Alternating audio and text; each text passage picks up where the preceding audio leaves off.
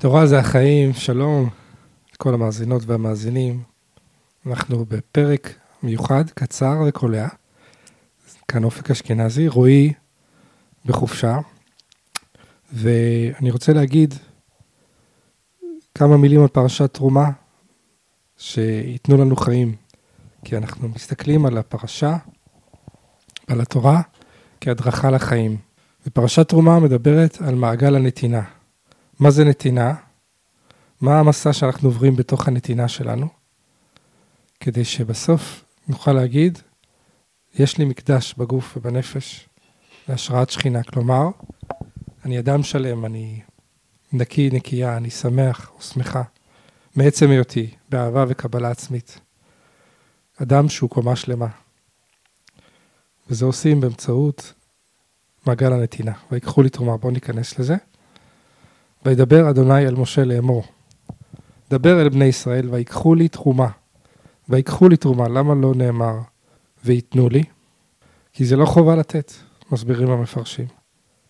כל איש אשר ידבנו ליבו, כלומר, אנחנו עוסקים פה בבניית המשכן, ועשו לי מקדש ושכנתי בתוכם.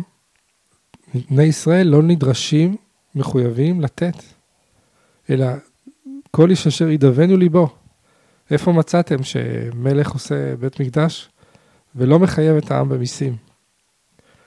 זה מופלא, שמי שרוצה לתרום, יכול לבוא ולתרום. ומי שלא רוצה, שלא יתרום. כלומר, מה זה התרומה בעצם? זה הלב. וזה עיקר הנתינה שלנו בעולם, זה לתת את הלב שלנו, כלומר, את האנרגיה הרוטטת הזאת של שמחה וחיוניות. לעולם, לאדם אחר. וגם בזה יש סימנים, וזאת התרומה אשר תיקחו מאיתם זהב וכסף ונחושת. יש לנו פה שלוש, אה, שלושה מתכות. נסתכל על זה כתורת חיים, מה אנחנו לוקחים מזה, על הנתינה שלנו. יש נתינה שהיא של זהב, זאת נתינה בלב שלם מבלי הציפייה לקבל בחזרה. זאת הנתינה הגבוהה ביותר. נתינה מתוך אהבה בלי תנאים, למשל הילדים שלנו. ויש נתינה שהיא כסף, וזה אני חושב רוב הנתינה בחיים, וזה אנושי וזה לא מוריד מזה. זה ממש אנושי לתת. נתינה שהיא כסף. מה זה נתינה שהיא כסף? שאני מקבל משהו בתמורה, אבל המשהו הזה ממלא אותי. כשאני נותן לאחר תשומת לב, חוכמה, רגישות, יופי. יש פה איזשהו מקח וממכר מסוים, שהוא לא רע, הוא טבעי והוא בסדר גמור, רק זו נתינה שהיא מוחזקת ככסף. אבל כשאני נותן את עצם היותי לעולם, זאת יכולה להיות נתינה של זהב. אז אם דיברנו על זהב כנתינה בלב שלם מבלי לקבל חזרה, כי עצם הנתינה שלי היא אי קבלה. כסף, אני כן מצפה איפשהו לקבל בחזרה. וזה, ככה העולם מתנהל, כן? רוב הנתינה שלנו בעולם היא לא זהב, היא כסף. יש פה איזשהו משהו שאני כן מקבל או מקבלת, וזה ממלא אותי. וזה טבעו של עולם לתת ולקבל. ויש הרבה נתינה שהיא נחושת. נחושת מלמד על איזושהי נחישות, מלמד על איזשהו סטרס, מלמד על איזשהו תפקיד שאני לוקח, שאני נחוש לקבל משהו. אני, כמו שאני הסתובבתי הרבה הרבה שנים עם המשוואה, כשאני נותן ערך, אני קיים. והייתי נחוש לתת ערך, כלומר, נתתי נחושת. לא היה לי בסביבה אפילו כסף, בטח לא זהב, נתתי בעיקר נחושת. גם כשנתתי את החוכמה שלי, ואת היופי שלי, ואת הרגישות שלי, ואת הנדיבות שלי. הייתי בתוך תפקיד שאני נחוש לקבל אהבה, נחוש לקבל תשומת לב, נחוש לקבל הכרה. וזה העניין של נחושת. עכשיו, עוד פעם, אנחנו לא שופטים להגיד זה טוב או רע. אלא איזשהו מעגל נתינה של התפתחות, שכשאני פוגש את הנחושת פגשתי את הילד שלי, הילד שבי, שהיה נואש כל כך לקבל אהבה, לקבל אישור. ובוא נשים לב שזה זה נכנס כתרומה למשכן, זאת אומרת, גם המקומות הנמוכים האלה כביכול, של תפקיד שלקחתי כדי לקבל אהבה, אישור. מתוך הנחישות שבוא נגיד, אם אני מסתכל על עצמי היום, במקומות האלה, לא ראיתי אף אחד אחר. לא יכולתי לאהוב אף אחד אחר באמת. לא נתתי לאף אחד אחר נתינה מכל הלב והנשמה. כי הייתי כל כך מכווץ בתוך עצמי, בהישרדות, נתתי כדי לקבל אישור. ורק כשאני יכול ממש... אה, בוא נשאל רגע, איך מרימים את הנתינה שלי מנחושת לכסף? התשובה שלי היא פשוטה, לתת את מתנת המלאות לאותה יל, ילדה פנימית או ילד פנימי, שהם היו חייבים לגייס את הנחישות הזאת, כי לא היה להם שום דבר, כן, לא היה פלסטיק במדבר, לא היה להם שום דבר שהוא מזהב וכסף, הם היו חייבים לגייס מתוך עצמם, הילדים הפנימיים שלנו, את הנחישות, לצאת לעולם ולתת משהו בעל ערך, שהסביבה שפטה כבעל ערך, כדי לקבל את האישור. וכשאני תופס בחיבוק פנימה את הילד או הילדה הזאתי, ואני אוהב אותם ואני מודה להם על הנחישות ועל המאמץ, כי הם שמרו אותנו חיים, הילדים האלה. ואפשרו לנו ללבלב ולהתפתח ולהתבגר ולעבור לכסף. שאני יכול לתת לעצמי, כלומר, כאילו כביכול אני נותן לילד הזה, שהוא רק מכיר נחושת, כל החיים שלו זה נחושת, אני נותן לו מטבע כסף. ומטבע כסף זה אומר ממלאות, אני חוגג אותו. איזה מדהים אתה, איזה מהמם אתה. כמה יפה אתה, כמה טהור אתה. ואני מחבק אותו, ואוהב אותו, ואבא שלו. מאמץ אותו אל ליבי, ואז אני מעלה את כל הנתינה שאי פעם נתתי, זה נקרא תשובה מאהבה. כל הנתינה שאי פעם נתתי, אני עולה במדרגת כסף. והכסף, אני מדמיין שבמשכן, בהיכל השם במדבר, כסף היה באזורים היותר פנימיים של המשכן, והנחושת הייתה יותר בחוץ. כן? כשאנחנו רואים כמה תיאורים של זהב יש, בואו רק נקרא חלק מזה. וציפית אותו זהב טהור מבית ומחוץ תצפנו ועשית לו זר, עשית עליו זר זהב סביב. כלומר, יש המון המון התייחסויות לזהב וזהב טהור, ואנחנו לא שומעים על כסף טהור, לא נחושת טהורה. מה זה מעגל הנתינה? איך אני מרים את הנתינה שלי? מנחושת, מהנחישות לקבל ערך בעולם. ואני מבסס איזושהי אדמה, כי מי שנותן מתוך נחישות אין לו אדמה. הנחישות היא האדמה שלו. אבל זאת אדמה דלה שלא מצמיחה גבוה. לא שיחים ולא פרחים ולא עצים.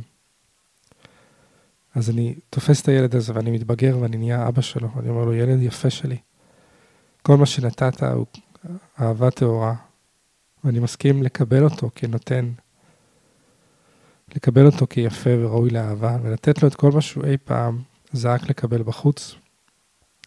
זה מרים את שנינו כבר ל... אני נותן לו ומקבל ממנו כסף, כלומר, משהו בעל ערך שממלא אותי. כי נתינה מנחישות בעיקר מרוקנת אותנו.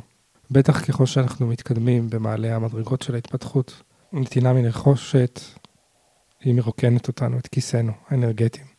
ונתינה מכסף ממלאת אותנו. אנחנו שמחים להרגיש את המלאות, וננסה בכל זאת לעלות למדרגה הבאה של ועשו לי מקדש ושכנתי בתוכם, של זהב טהור.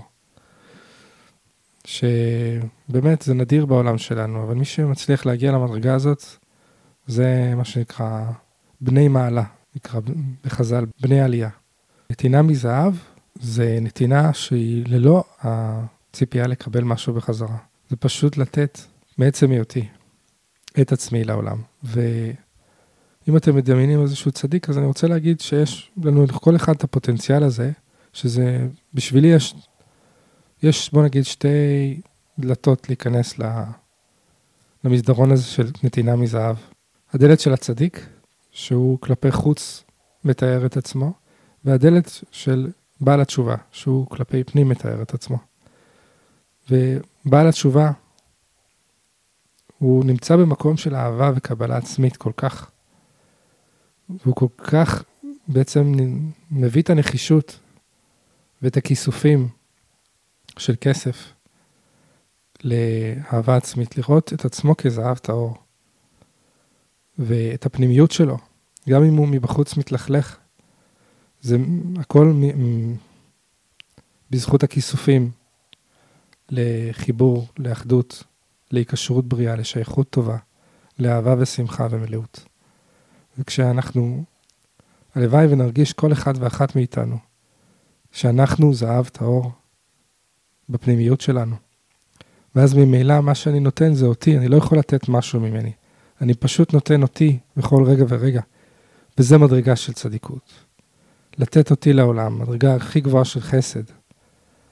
וכשאני נותן את, את עצמי לעולם, מה אני יכול כבר לקבל? אני מקבל את עצמי חזרה מלא יותר, ואז נותן את זה עוד פעם. ושוב מקבל, במין גלים כאלה של יופי, חסד והוד והדר. אז נסכם מה למדנו בפרק הזה, על מעגל הנתינה. שיש לנו, אה, קודם כל, המשכן, מה שנקרא בית המקדש שהיה לנו במדבר, זה העניין של רצון. היה שם רצון לתת, ומי שלא רצה לתת, לא חייבו אותו. וכמה זה שונה מהיהדות השכלתנית של היום, עם הוראות והנחיות לכל אה, שרוך נעל. ושניזכר שבבסיס, מה אני רוצה, מה אני רוצה, זאת השאלה הכי חשובה בחיים. אני רוצה לתת עכשיו את הדבר הזה לאיש הזה שמבקש ממני. אני רוצה, גם אם זה ילד שלי, לקדש את הרצון, לחזור למקום הזה של ויקחו לי תרומה, אשר כל איש אשר ידבנו ליבו. וכשאני מקדש את הרצון, אני לא נהיה אגואיסט, כמו שסיפרו לנו אולי, בחינוך המקולקל שקיבלנו. כשאני מקדש את הרצון שלי, אני להפך, אני נהיה נדיב לב.